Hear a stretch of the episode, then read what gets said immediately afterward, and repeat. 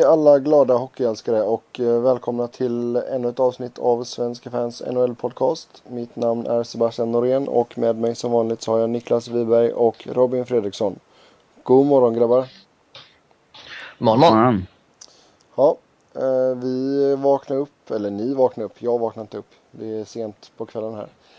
Eh, I alla fall, ni vaknade upp och Shea Webber har fått ett eller har kommit överens med Philadelphia om ett, eh, ja, vad ska man kalla det, eh, förkontrakt på svenska, eller vad ska man säga?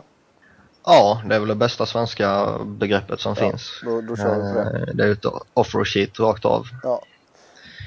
Och det finns väl ingen bra svensk översättning? Nej, vi säger förkontrakt. Så får ni klaga på det ifall ni, ifall ni vill. I alla fall, eh, hund, vad var det, 100 miljoner? Cirka, ja, inte bekräftat inte... ännu men uh, där omkring. För 14 år. Vilket skulle göra honom till en gammal man när det kontraktet var slut. Men eh, ja, det är ju en ganska stor nyhet ändå och nu har alltså Nashville en vecka på sig att eh, matcha Philadelphias bud. Vad händer annars Niklas? Ja, om de eh, av någon anledning, eh, och det kan ju vara hur mycket som helst, väljer att inte matcha det här budet så kompenseras man ju med draftval. Och eh, det råder fortfarande lite tveksamheter om vad det faktiskt eh, kommer röra sig om för kompensation. Utan det, det beror på kontraktets eh, struktur och hur mycket det är värt och hela den biten. Eh, det kommer antingen vara fyra första val eller så kommer det vara två första val ett andra val och ett tredje val. Eh, sannolikt kommer det vara fyra första val. Okay. Hur... Känns det inte som att eh, Holmgren har försökt styra det här kontraktet så att han vet att det blir två första och ett andra och tredje? Eh, och om det är en ganska... Det lär inte vara någon jättestor skillnad mellan de två. Eh, så är han, är han smart så har han ju styrt upp det så att det blir det senare alltså. Mm, jo, det tycker jag också, men sen samtidigt tycker man att eh, rör det sig bara om den eh, kompensationen så bör ju Nashville ha eh, kunnat fixa till en trade som är betydligt bättre än vad det är. För det sägs ju ja, att man har ja, då kanske de för sig. under en viss period ju. Um, mm. Sen är frågan om de har de ekonomiska möjligheterna att matcha. Uh, det går ju lite spekulationer om att uh, Weber till exempel kommer få 26 miljoner dollar eh, sett över ett år. Och klarar Predators som genom åren har haft en rätt begränsad budget till sitt förfogande att matcha så det är mycket spekulationer fram och tillbaka nu och nyheten kläcktes ju bara för ja, en timme sedan nu när vi spelar in det här. Eh, så det, man får avvakta till, till eftermiddag svensk tid egentligen innan Amerika har vaknat upp innan man får reda på detaljer. Ja, de, står, de står inför ett riktigt stort val nu, Nashville. Alltså, antingen så matchar de det här budet och ja, tvingar kvar Webber helt enkelt. Eller så matchar de det och tradar bort Webber mot någonting, någonting bättre än kompensationen. Eller så matchar man det inte och tar emot alla de här draftvalen och helt enkelt ja, kör en rebuild på på laget. Uh, det, ja, det kommer, det kommer nog debatteras fram och tillbaka i deras styrelserum närmaste dagarna i alla fall. Sen så, man vet ja. inte, de kanske inte ens har ekonomiska möjligheten att, att matcha det, men... Uh, uh, ja. Det... Lite pengar måste man väl ha över? Ja, men kanske inte 26 miljoner över ett år. Det, man ligger väl längst ifrån lönetaket av alla lagen som eh, spelar i NHL nu, så att eh, löneutrymmet där har man ju, men ja, det...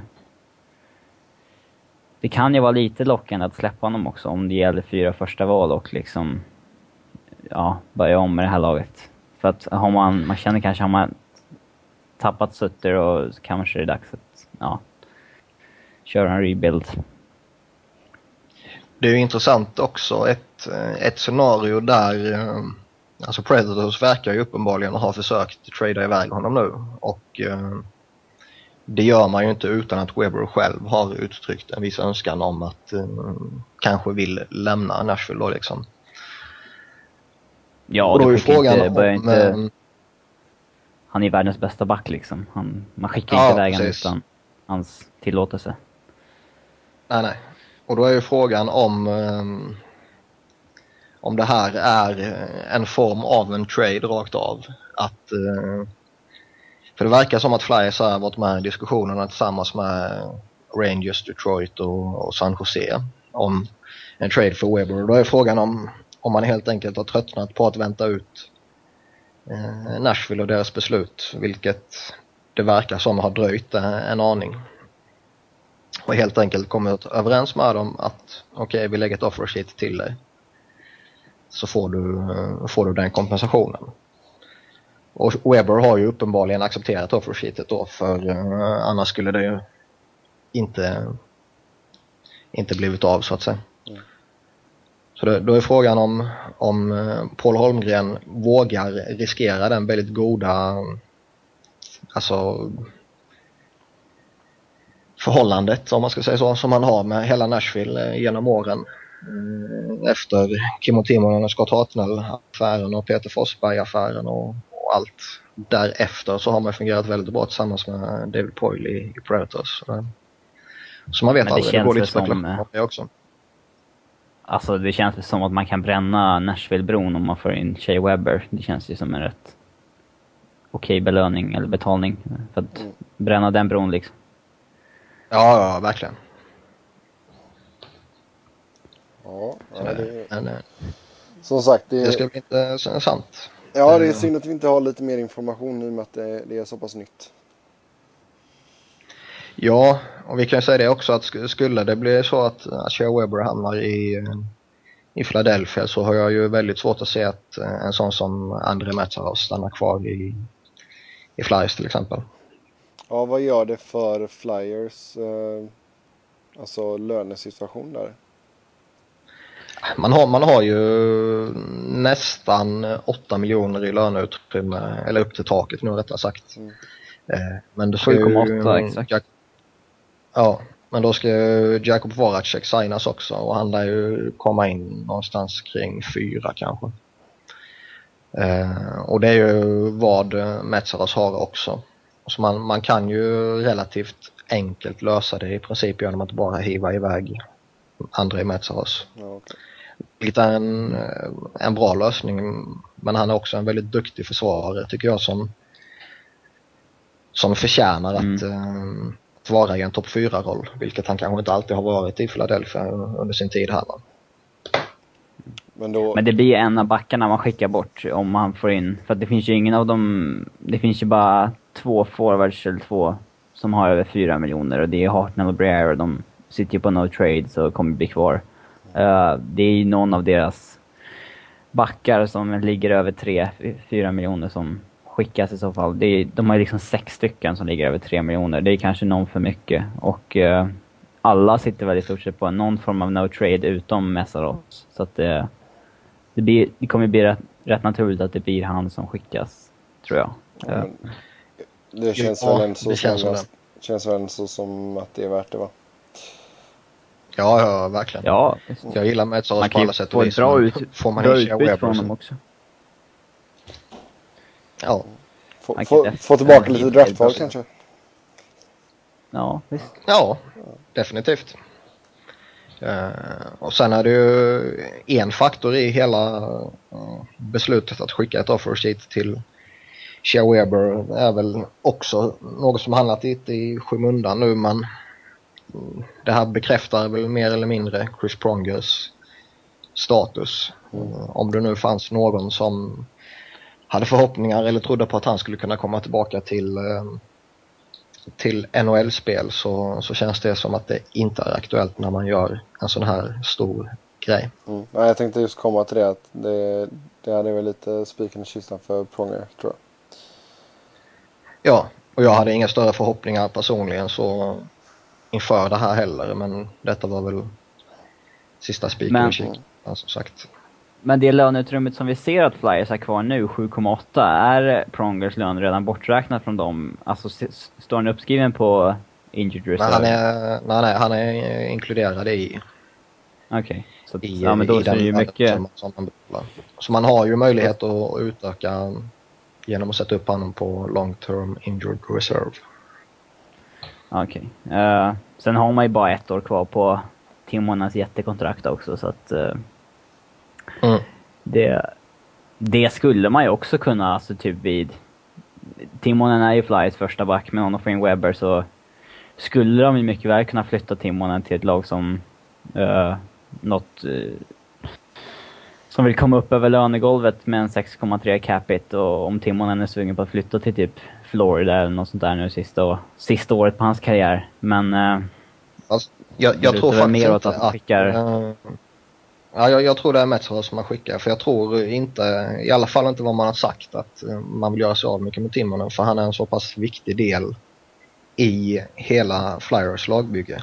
Just som liksom, veteranbacken som styr allting nu när liksom, Pronger är borta. Och även om Shea Weber kommer in så kommer Kimmo Timonen ha en, en väldigt viktig roll i både spelet på isen men också i allting utanför isen. Eh, han har själv uttryckt lite tankar om att kanske till och med spela vidare efter det här kontraktet går ut. Men det kommer givetvis bli till en, en eh, betydligt mindre capita då. ju. Ja, okej. Men Men- eh, vilken... hur, hur tror du han kommer matchas in i... Ja, vi leker med tanken att Webber redan är alltså typ klar för Philadelphia. Så hur kommer han matchas in i... Vem kommer han spela med egentligen? Känns ju inte som man kommer gå med någon av de andra rightarna. eh, Nej, Alltså, jag tror man sätter honom med Timonen. Timonen? Så man kör Timonen och Weber i, i första paret och sen kör man Coburn vidare och med Grossman Grossman. och Coburn i ett andra par som fungerade så klockrent tillsammans under slutspelet. Ja. Och sen får man liksom lösa tredje paret med typ Luke Chen och ja, Mark-André Bourdon som jag föredrar. Ja, det känns väl att skulle man liksom ersätta Pronger med någon så känns ju Enzo Webber som det bästa valet nästan va? Ja, det är ju världens bästa Ja, back. det är ju att köpa upp sig. Men eh, det är intressant att det var inte bara Flyers som var inne i tradesnacket med, med Webber. Det var ju Rangers var ju där också, San Jose var där och ett Detroit som desperat försöker jobba sig tillbaka som ett topplag nu, eller hålla sig kvar som ett topplag. Eh, men det kändes väl Ja. alltså hela vägen att eh, Flyers var nästan den mest troliga destinationen liksom, för de har ju letat den här ersättaren för Pronger nu ett år. Eh, och det känns ju dessutom... Ja. Han känns ju som en typisk flyer också, Webber. Jo, jag håller med dig. Eh, och det var väl ingen skräll direkt att Detroit var, var efter honom också. Däremot är jag väldigt förvånad när jag får höra att eh, Sharks var ute efter honom. Ja. Med tanke på att de redan skicka- har adresserat vissa behov i, i sin backbesättning liksom. Ja, de har ju redan fem stycken topp fyra backar. Men det, det skulle... En eventuell trade skulle kanske inkludera två av dem redan. Alltså typ en Vlasic och Burns till exempel. Eller, ja, Ja, ja. någon, Sen är det ju någonting. det, har man möjlighet att få in Shea Weber så, så är det ju väldigt få försvarare som man inte är redo att offra liksom. Mm. Oavsett vilket lag man nu Mm. är.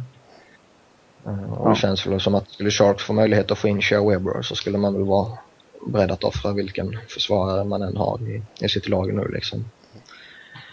Men det, det har ju inte pratats något om dem heller utan det enda som har pratats om Sharks det är ju liksom en forward. Och typ Rick Nash då. Eh, Mm. Rangers var väl inte direkt förvånande för de, de är ju alltid efter nästan alla stora namn. Ja. Jo men eh, alltså Sharks där så känns det väl också som att det hade nog inte varit fel att få in ett annat stort namn i, i klubben. För det, det är ju Men jag som, tycker det är konstigt att de inte, att de inte går efter fler prospects än försöker gå efter Nash och äldre spelare. De har redan ett ganska ålderstiget lag kan jag tycka och skulle väl må bra av att få in några som var hyfsat jämngamla med en Logan Couture till exempel som kommer bli deras franchise player om det, något år. Det beror på lite också kan jag tycka. Alltså de, de har ändå några hyfsade här uh, unga killar som du var inne på i, i Klo och Couture och Pavelski och, och, så här va. Mm. Men väljer man samtidigt att satsa på Patrick Malö och, och Joe Thornton så behöver man ju in spelare jämte de som är redo redan nu liksom. Och som man inte kan ge en, en viss inkörningsperiod. Sen kan man alltid diskutera om det är rätt eller fel att satsa på Thornton och Malö och det har vi pratat om under säsongen som har gått mm. här va. Men, ja, men jag tror, jag väljer tror... man att köra vidare på dem så tycker jag att man, man bör bygga på redan färdiga spelare jämte dem. Jo men även om man inte skulle välja att köra på dem så tror jag inte att de är ute efter en, eh, en quick fix liksom. Att man vill ha in mm. färdiga stora namn. Ja, då, det, det snackas ju om dem och Nash hela tiden. Så. Ja. Uh, han... Så jag vet inte... San Jose är väl ett av lagen som Nash har på sin lista också, tror jag. Ja. Mm. Annars skulle det inte snackas om dem så mycket. Så att, uh. Ja, nej, vi får se. Uh, ja, som sagt. Webber alltså. Ha, mm. ska, vi, ska vi lämna honom där eller ska vi prata något mer om honom? Han, han skjuter alltså, det som finns en häst. väl inte så jättemycket. Han skjuter som en häst. Han är duktig på att dunka in skallen i plexit på, på andra folk ja. och, och, passar väl som handen i handsken i Philadelphia. Um, nej men alltså jag, jag är ju eld och lågor. Det är ju ligans bästa back det här tycker jag. Och eh, klockren i alla tre zonerna så det, mm. det finns inte mycket och kommentarer hans, att säga så sett. Mm. Hans offensiva siffror som har legat kring 45-50 poäng kommer dessutom få sig en ännu större skjuts när han får spela med riktiga spetsspelare i powerplay istället för Nashville som byggt sitt lag med ganska jämnstarka forwards och centrar. Uh. Man tycker det. Yes. Ja, ska, det blir intressant i alla fall ifall han hamnar i Philadelphia. Och eh, det blir nog väldigt jobbigt för lagen i öst. Ja, om, eh, om det varit tuffa matcher mellan Pittsburgh och Philadelphia hittills så är det väl eh, mycket man kan se fram emot där nu när Weber kom in i, i den försvarsbesättningen. Eller om det nu skulle bli så, mm. kanske man ska tillägga.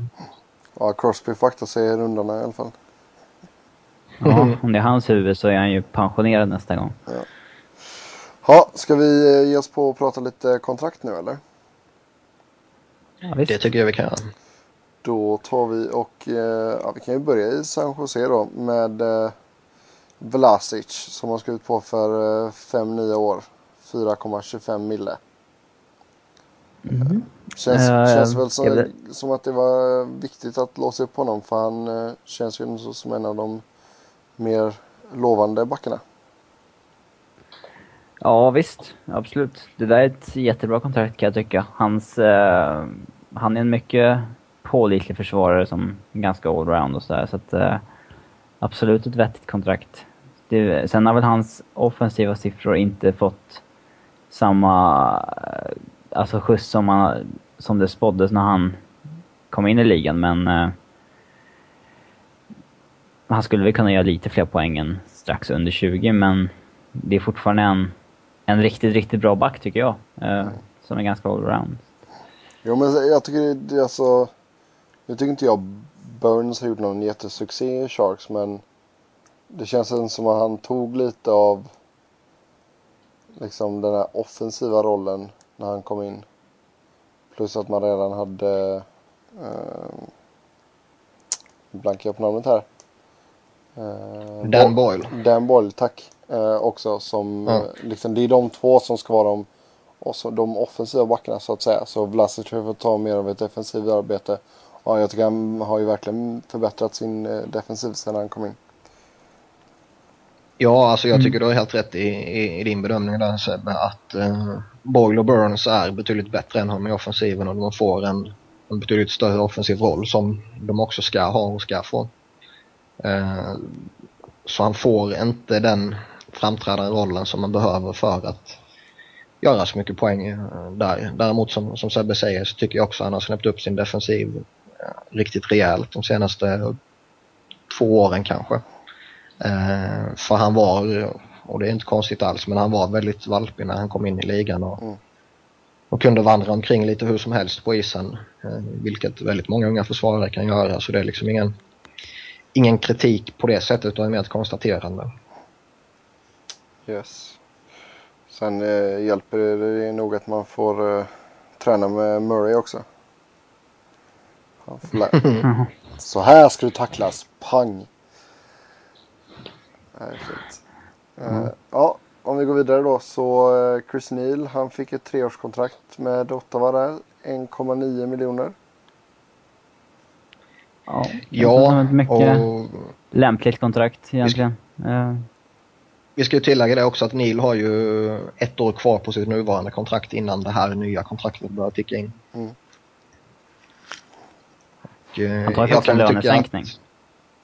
Han tar en lönesänkning, han tjänar 2 miljoner nu och kommer ta 1,9 då som Seppe sa. Och jag kan väl tycka att lönen och capiten är helt överkomlig för vad Neil bidrar med och han är ju viktig för Ottawa. I, spelar till och med lite powerplay och grejer. Mm. Eh, Däremot är frågan eh, hur effektiv han kommer vara om 3-4 år. Eh, Med tanke på att han har eh, en spelstil där han får väldigt mycket stryk. Han är 33 år nu. Och då är frågan hur han kommer vara när han är 36 år. Eh, Jag personligen skulle ju inte skriva ett så långt kontrakt med honom. Även om han är väldigt Men- viktig för Ottawa. Han har ju varit där i tio år och liksom... Var det det han ville ha eller... Alltså... Han kanske sa att jag vill gå, gå, gå ner i lön. eh, Men då vill jag ha ett kontrakt som sträcker sig i alla fall tre år. Eh, eh, Mm.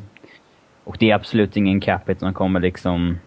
Alltså hålla dem tillbaka om några år eller sådär om de... Nej. Nej, nej, verkligen inte. Den är klart överkomlig och det är inget 35 plus-kontrakt heller liksom. Så det, det ska inte vara några problem. Yes. Eh, Peter Mueller skrev på för Florida. Eh, han fick ett ettårskontrakt på 1,725 miljoner. Ja. Eh, det är en väldigt, väldigt intressant spelare. Han gick ju som åtta i draften 06 och spåddes ju bli en av de bästa i NHL. Ehm, han hade en grym första säsong i Phoenix och sen så började han tappa och så tradades han till Colorado och där gjorde han jättesuccé med 20 poäng på 15 matcher. Sen fick han en hjärnskakning precis före slutspelet och missade hela säsongen, 10 och 11. Och sen så spelade han tre matcher säsongen 11-12. Sen blev, var det samma hjärnskakning igen. Uh, och han var borta uh, i typ ett halvår då. Och så missade, och så kom han tillbaka sista 25 matcherna ungefär. Uh, och han gjorde 16 poäng på 32 matcher den här säsongen då i Colorado. Eh, så det, är ju, det var ju en av de ganska intressanta chansningarna. Han skulle ju varit RFA, men Colorado valde att inte erbjuda honom ett qualifying offer, så att han blev ju UFA och eh, eh, det valde man ju nog på grund av hans hjärnskakningsproblem helt enkelt. Eh, och han var inte riktigt sig själv efter varit borta två år i stort sett. Men det är ju en väldigt intressant gamble liksom, för att det här, det är en kille som har ett ruskigt bra skott och eh, den senaste spelaren som Colorado släppte till Florida när de inte valde att erbjuda något nytt kontrakt var ju Thomas Fleischmann. Så att nu tror jag alla det här kommer bli exakt samma sak, att han kommer göra succé. Ehm, Jo, ja, Men jag är alltså, faktiskt rätt förvånad att inget bättre lag valde att ta en gamble med Mueller, faktiskt. Detroit till exempel. Ja, alltså för, för Jag var ju rätt övertygad om att andra lag skulle gå efter honom faktiskt. Mm. Eh, Sen är ju frågan att det, sannolikt var det väl kanske något bättre lag som, som kontaktade honom också. Men eh, frågan är om de var redo att ge honom 1, ja, drygt 1,7 miljoner. Men det känns Mm. fortfarande inte som en, en liksom dyr chansning. Jag tycker det är ju överkomliga pengar. Ja, det är Jo, ju en ja. anledning att han får har ju det. alla- finns ju en anledning att han får ett år. Ja, exakt. Sen är det klart Ja, och att, ser man bara till att han, eh, han tar ett mellanår i Florida och försöker liksom se om han kan lira på, på en hög nivå igen om han klarar att spela en hel säsong. Så det finns ju betydligt sämre lag och ställen att eh, ta ett mellanår för att se vad som händer liksom än Florida. Jo, jag menar Edson Mm. säger att, han, att det här var stället han fick mest pengar så jag menar han kanske känner det själv eller nu vet ju inte jag exakt hur hans liksom tillstånd är med liksom skador och sådär eller efter nu så här, efter att ha haft en hjärnskakning eller två eller var det samma hjärnskakning han hade? Eh, jag vet inte, jag tror att han fick tillbaka symptomen bara efter tre Ja, okej. matcher när han hade vilat ett år. Ja, okej. Ja, nej, för jag menar, han kanske inte, han kanske inte riktigt vet själv liksom i vilken form han är i och jag menar, får han en Mm. till sån smäll så kanske det är tack och hej. Ja, så han- han avslutade ju säsongen frisk. Hade han avslutat säsongen med att vara skadad också, då tror jag absolut inte att det hade varit någon direkt häxjakt på honom. Ja. Eh, Men nu, nu avslutade han ju sista 25 matcherna med att vara frisk, så att eh, det var därför det fanns en liten chans att någon, något, något bra lag skulle chansa på honom. Kanske Pittsburgh och peta in han där med Crosby eller Malkin och Alltså har man tur då så kan man ju säkert få ut en 30-40 mål i honom om han är frisk liksom. För att Mm. det är den potentialen han har besuttit. Ja. ja. Ja, nej, jag tycker det är en bra chansning av Florida i alla fall och eh, får vi se ifall det slår väl ut. Mm. Då går vi vidare till eh, finska dynamitgubben Teemu Selänne som har skrivit på för ett år till med Anaheim Ducks för eh, 4,5 miljoner. Mm. Ja, och det, när beslutet väl kom att han skulle spela vidare så var det ju inget snack om att det skulle bli dags. Det, det var liksom pension eller dags. Mm. Och eh, han får ju faktiskt en liten lönehöjning också. Eh, nu när han får 4,5, han hade 4 förra året. Eller ja, förra säsongen. Ja. Och eh, ja, sett det var Ryan Whitney och Jaromir Jagr fick på marknaden så är det väl ett rimligt kontrakt också. Mm. Eh, med tanke på att han fortfarande har väldigt mycket kvar att ge. Eh, han är god för en 25-30 mål och lär väl landa någonstans kring 60 poäng igen, tror jag. Och eh, är väldigt viktig i Anaheim. Jag hade fortfarande tyckt det var roligt ifall han avslutade med ett år i Winnipeg. Ja, men det... Ja, skulle inte Winnipeg varit så jädra dåliga så kanske han skulle övervägt det. Ja, för Anaheim är ju mycket bättre. Ja, de är bättre än Winnipeg. Sen säger inte det så jättemycket, men... Det är rätt intressant att han var Anaheim ju... har ju... Han gick väl i pension tror jag, alltså typ 08 eller... Han funderade på det, han tog väl ett halvårsbreak eller någonting. Mm. Om det var på grund av någon skada eller sådär men...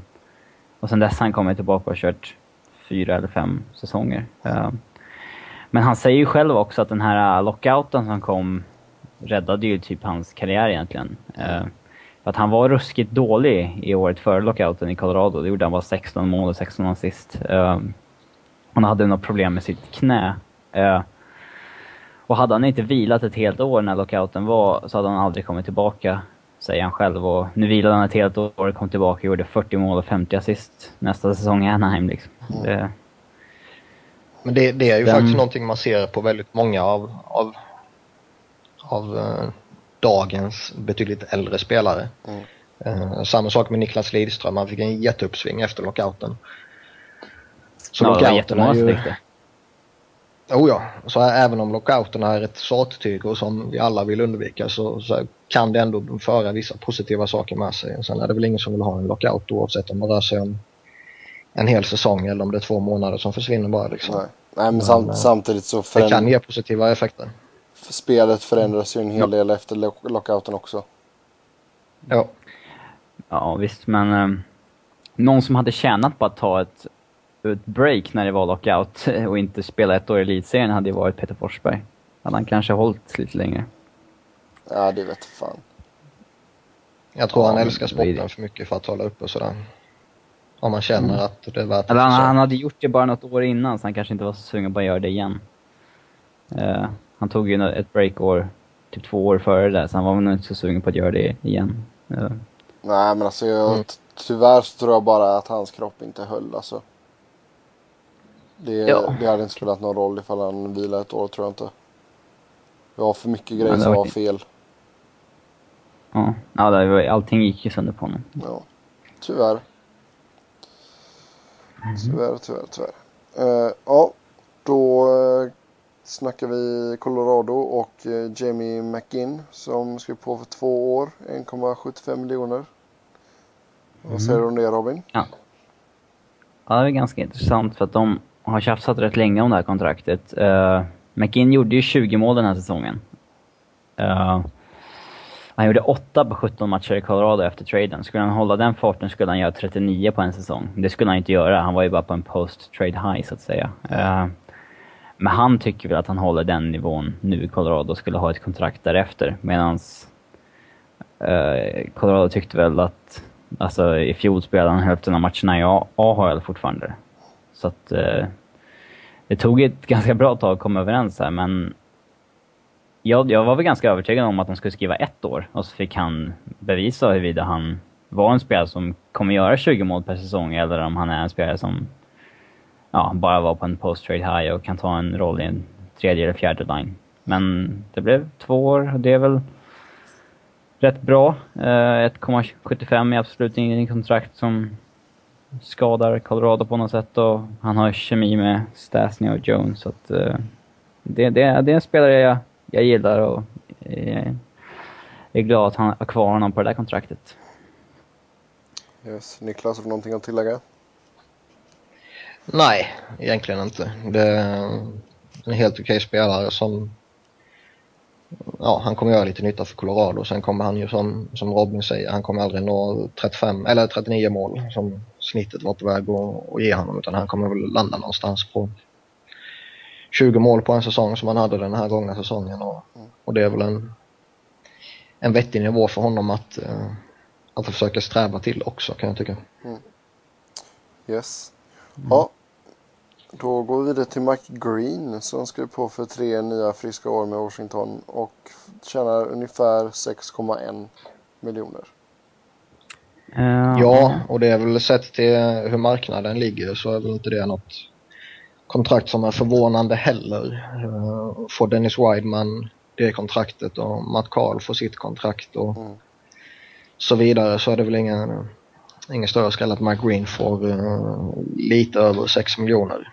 Eh, hans namn är fortfarande rätt starkt ändå trots att han har haft jätteproblem nu den senaste tiden här med skador och en bedrövligt låg produktion. Mm. Därför var Så det vill ju till för... Uh... Mm. Nej, jag tänkte säga det, jag var lite förvånad över att det blev tre år där faktiskt. Just han tackade ju nej till ja. qualifying offer på ett år och det hade väl Washington hoppats att han skulle ta. Eh, mm. För att det, det är lite oklarheter med hans skador och när han väl spelat så har han inte hållit den produktionen han gjorde tidigare heller. Två säsongerna före det snittade han en poäng per match och gjorde väldigt, väldigt, väldigt mycket mål. Så att, uh, nu har han väl legat på en halv poäng per match för fjol och den här säsongen så var det väl inte ens ja, en poäng var fjärde match eller någonting snittade han ju. Och mm. det är inte alls tillräckligt bra. Uh, så det, det är en del oklarheter kring honom. En sak som är intressant här, det är att både Mike Green och John Carlson var ju RFA. Det blir intressant att se vart John Carlsons kontrakt landar nu, för han har ju ändå haft ja, en eller till och med två kanske bättre säsonger än Mike Green. Mm. Men han har ju inte... Han har ju inte att han har gjort över 30 mål och 40 assist en säsong på sitt CV. Um, det blir intressant att se vart han landar i jämförelse med Mike Green. Ja, alltså det... Jag vet inte om man får 6 mille, men det kommer nog inte vara långt ifrån, tror jag inte. 5 kanske? Mm, ja, det är väldigt, väldigt svårt att förutse. Det beror på om man drar på ett 10-årskontrakt eller om man skriver ja. ett 2-3 år. Och, ja. Det beror lite på. Mm. Något mer att tillägga där, Niklas? Nej, inte mer än att jag hoppas att hans förfall fortsätter. Så att det där kontraktet verkligen uh, biter Washington i baken. Röva. Ja. Jaha. Yes, då eh, tar vi sista kontraktet här då. Det är Kyle Quincy som skrev på för två år för 3,775 miljoner med Detroit. Mm.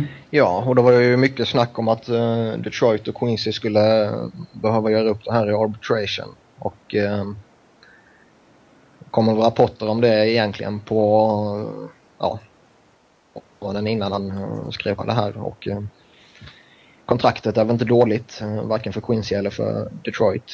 Så det, det var väl bra att de lyckades nå en lösning innan eh, arbitration för det kan som sagt bli väldigt, väldigt smutsiga saker där.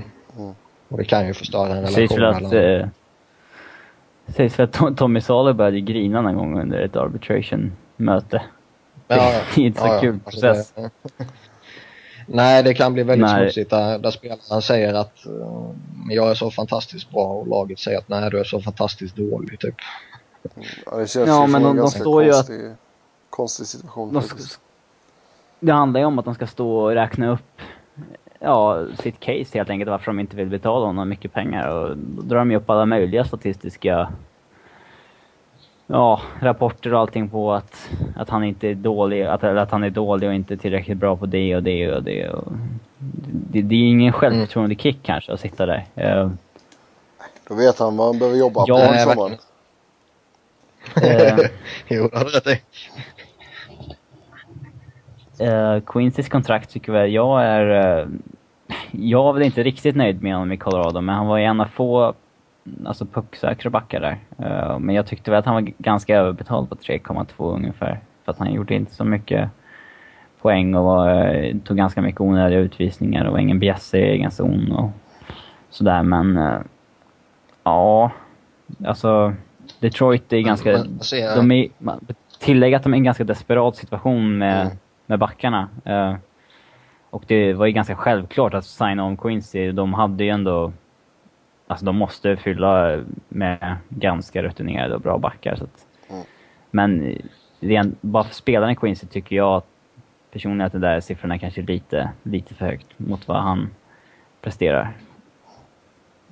Jag håller inte riktigt med dig. Jag tycker att, eh, som du sa, med tanke på vilken situation de befinner sig i och med tanke på hur marknaden trots allt ser ut, så tycker jag att eh, strax under 4 miljoner för en försvarare som har en, en potential för att ligga kring 30-40 poäng eh, inte är så jättejobbigt ändå. Och han kommer ju få en väldigt framträdande roll i Detroit nu. Ja, jo, så, Ehm, han, han kommer göra bort sig i defensiven, det kommer han göra.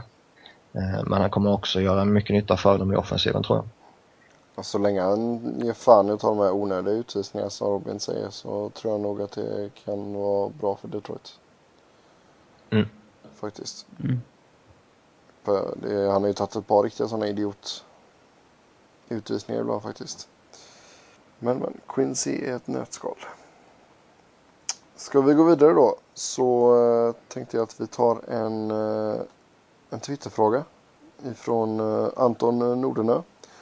Han eh, undrar vad som eh, kommer hända med Jonathan eh, Bernier, Kings backup-målvakt. Och han undrar vart, vart vi tycker att han ska, skulle passa bra in. Om vi börjar med Niklas.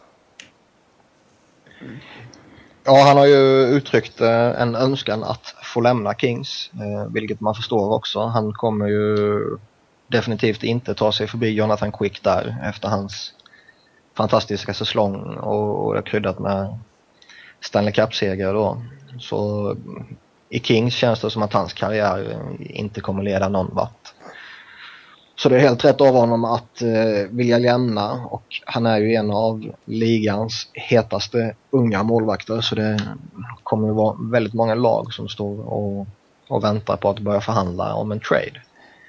Eh, jag kan väl spontant känna att antingen blir det typ San Jose, Chicago som ger sig efter honom om man tittar på eh, topplag eller lag. Eh, ja, kanske.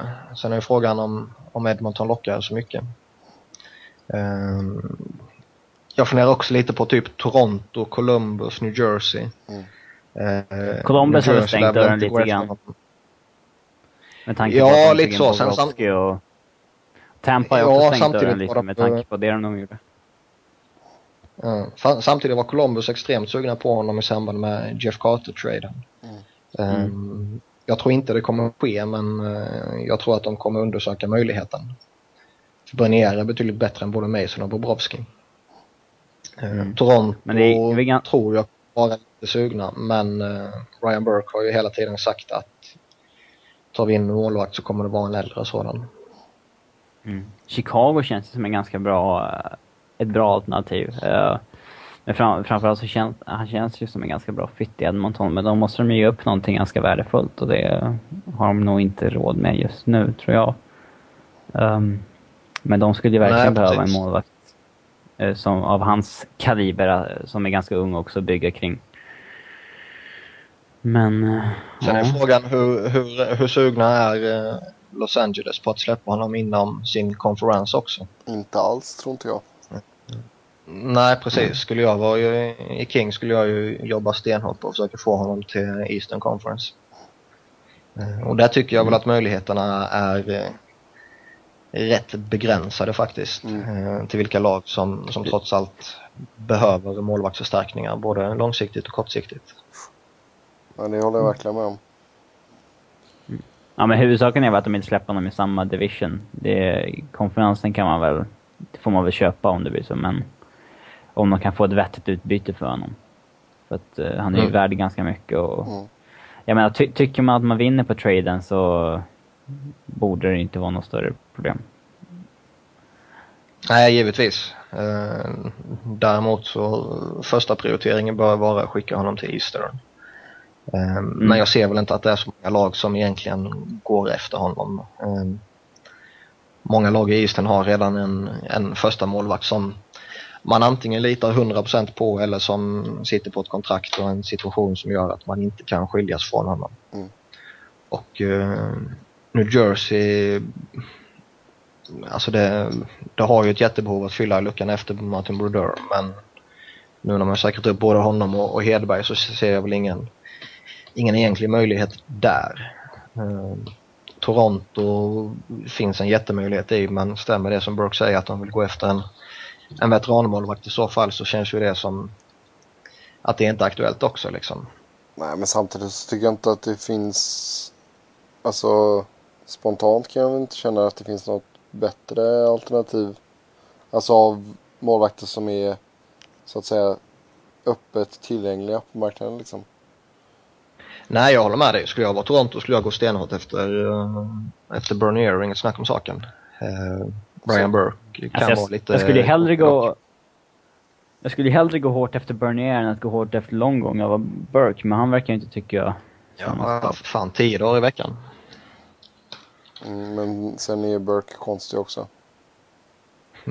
ja, visserligen, det... men uh, det är ändå en GM som har vunnit en Stanley Cup. Så det behöver man ju... Uh, det är ofta man tycker så att det, ofta man tänker så med en GM att fan vad konstiga trades han gör. Men sen har man ändå Stanley Cup på sitt CV så är det lite, bör man kanske inte, ja. Jag menar, det har ju Jeff Feaster till och med det. Och jo, han gör ju jätteskumma saker i Calgary. Jo, men jag tycker ändå så att Burke, alltså den mannen förstår jag mig inte riktigt på alltså. Speciellt inte i ja. liksom han, hur han har skött Toronto. Nej, där har han ju misslyckats ganska ganska grovt. Eh, men han har ju en del bra saker på sitt CV. Han är ju ansvarig för att eh, Sedinarna hamnade i Vancouver tillsammans till exempel. Och han vann ju en, en cup med Anaheim och tog dit Pronger och lite sånt där. Så han har... Nej, det, är klart, det är klart han har varit väldigt lyckosam under sin karriär i NHL som general manager. Det är inget snack om saken. Eh, däremot är det som Sebbe sa, han har gjort en del konstiga saker i Toronto och Mm. Det är det samma sak med Jeff alltså, miss, Misslyckas, och... ja, men sen är det alltså miss, misslyckas man i en marknad som Toronto eller man misslyckas i en marknad som Montreal, då, då är det något fel. Mm. Där ska man ha sådana både ekonomiska och möjligheter och, och, liksom möjligheter kring hela organisationen med, med ledning och, och spelare och mm allt i periferin och, och supporter och, och, hela den biten också så att då ska man inte gå så många år utan för slutspel liksom. Det, ja, men menar, det är, det är inte godkänt. Det är fortfarande ett under att de inte har någon vettig första center liksom. Mm. Ja, men de bytte ju bort de första valen som... fem år att... ja. De, de ryktas ju alltid med olika första centrar och Burke är fortfarande hatad i Colorado för att han försökte erbjuda Tyler Bozak mot Paul Stastny i en rak trade typ. Det, tyckte inte de var roligt. Ehm, sen... eh, eh, så, de, han bytte ju bort två, två... Eller jag vet inte om det var kompensationen för att de tog Phil Kessel eller om, eller om det var en trade, men de bytte ju bort två första val till Boston och den ena blev ju Tyler Seguin liksom. Och han hade ju varit den första centern som de hade behövt och han hade ju, alltså idag liksom, ett rakt byte med Kessel skulle nog många, många ta liksom. Och då fick, skickade de dessutom ett till första val till Boston som blev Dougie Hamilton. Så att Mm. den traden nu i efterhand ser ju inte så jättebra ut. Nej. Även om Kessel har snopp, snappat upp sig. Han sn- snoppade upp sig. Ja. Ja. Ja, nej men vad fan alltså det är... Jag vet inte. Hade jag varit Toronto-fan så hade jag ju inte varit så jätteglad alltså. Nej, framförallt de att aldrig lösa första center och målvaktsfrågan. Mm. Men han gjorde ju en väldigt bra trade ju- i, i Dion, Dion Phaneuf med fast i hand där, för det var ju inte så mycket de gav upp för honom egentligen. Nej. Eh, eh, Men på tal om första center i Toronto så, så verkar de ju satsa stenhårt på eh, James van Riemsdyk i den rollen. Och, eh, Jag ja. tror inte det kommer slå väl ut men eh, det ska likväl bli intressant att följa. Ja, nej, ska, vi, ska, ska vi gå tillbaka till den uh, frågan här då. Bernier, alltså kom, kommer han komma någon vart eller vad tror vi händer? Kommer han komma någonstans innan säsongen börjar? Ja, jag vill nog ändå Alltså- tro det för hans skull. Eh, på något sätt. Jag, jag tror han kommer lämna innan training camp börjar. Ehm, jag tror väl inte att han kommer nödvändigtvis tradas liksom imorgon så att säga. Mm. Utan det, Los Angeles sitter ju inte i en situation där man definitivt måste göra sig av med honom. Nej, alltså de Och så. Han har ju kontrakt ett år liksom- till så att... Ja, Ja, och han är RFA. Efter det så man, man har tid på sig liksom och ehm, jag tror inte han personligen heller har något emot om, om det skulle dröja liksom en månad eller två innan han blir bortbytt så länge det blir till, till ett vettigt lag liksom. De frågan- kan ju liksom me- meddela sitt pris på Bernier till de som är intresserade, till exempel Chicago, Toronto och några och sen så vänta en, två månader in på säsongen och se vilka det går riktigt dåligt för och ja, någon av dem kommer bli desperata ganska snabbt liksom, för ingen av dem har ju något vettigt målvaktsalternativ. Mm. Och har de en stående prislapp på Bernier då så är det ju bara en pris, eller en, en tidsfråga innan någon tröttnar. Men vad, vad är ett realistiskt pris att sätta på Bernier då? Ja, om vi snackar Toronto så... Eh, ja, jag vet inte. Ja. Det är väldigt svårt att säga alltså, men... Ja. Nej, jag, jag, jag har inget bra svar alltså. Det, Nej, men alltså jä- jä- jämför man med Bernier med typ en sån som Semyon Valamov som jag ändå tycker att eh, de är ganska likvärdiga. Eller lika situationer. Ja, ja alltså det känns två unga målvakter som, som har bevisat en hel del i ligan men som trots det fortfarande kan vara lite ojämna i sitt spel så, så känns det som att eh, den Varlamov hade kan vara lite mer erfarenhet än Bernier. Varlamov hade stått i två, två slutspel och sånt där i Washington och hade väl lite, och ett VM där han hade spikat igen och... Så att han hade väl ändå lite mer erfarenhet än Bernier så att, och Varlamov gick för ett första val och ett andra val. Eh, Jag tror inte att de kan få samma prislapp för Bernier. Det tror jag nog inte. Eh, Nej men jag, jag tror däremot man kan hova in ett första val, det tror jag. Ja, ett straight swap eller någonting. Eh, Men kanske inte samma pris som Varlamov. Det, det är svårt att tro. Det, det är en väldig skillnad på att få ett första val från Colorado som kom 28 totalt den, den sommaren. Eller att få ett första val från Chicago liksom. Det, det är en jäkla skillnad. Jag menar, Colorado hade lika kunnat, det hade kunnat bli ett lottery pick liksom. Yes. Ja, har vi någonting annat vi vill ta upp? Nej. Då Nej, det blir en väldigt spännande vecka vi går mot här med Shea Weber. Jag svävar redan på kommer du sova något? Nej, Kommer En hel vecka utan sömn. ja. Kommer, Niklas kommer sitta klistrad framför datorn i en vecka nu. Jajamän, bara uppdatera Twitter Ja, hela exakt. tiden, hela tiden. Så då vet ni vart ni kommer hitta Niklas i alla fall. Så eh, vill, vill ni snacka med hockey med oss så är det som sagt Twitter som är bästa eh, mediumet för det. Mig hittar ni på @sebnoren i ett ord. Niklas hittar ni på Niklas Wiberg i ett ord, Niklas med C. Och Robin hittar ni på R Fredriksson. Så eh, skicka in frågor och funderingar. Vi, eh, vi fick in en fråga om eh, om vi inte kunde ranka topp 10 bästa spelarna. Men vi tänkte att vi håller lite på den eh, på det ämnet. Så tar vi det om ja, några veckor eller någonting. Och sedan så kommer vi även och snacka om förhandlingarna mellan ligan och spelarfacket. Och om det blir lockout eller inte. När, vi, när det finns lite mer kött på benet så att säga. Det, spelarfacket har fortfarande inte kommit med motbud än eh, på ligans första bud. Vilket de eh, med all sannolikhet kommer att göra. Så eh, det blir mer om det när vi har lite mer att snacka om. Men eh, tills nästa vecka så får ni ha det bra och så eh, hörs vi snart igen. Ha det gott, hej! Hej hej! Nej.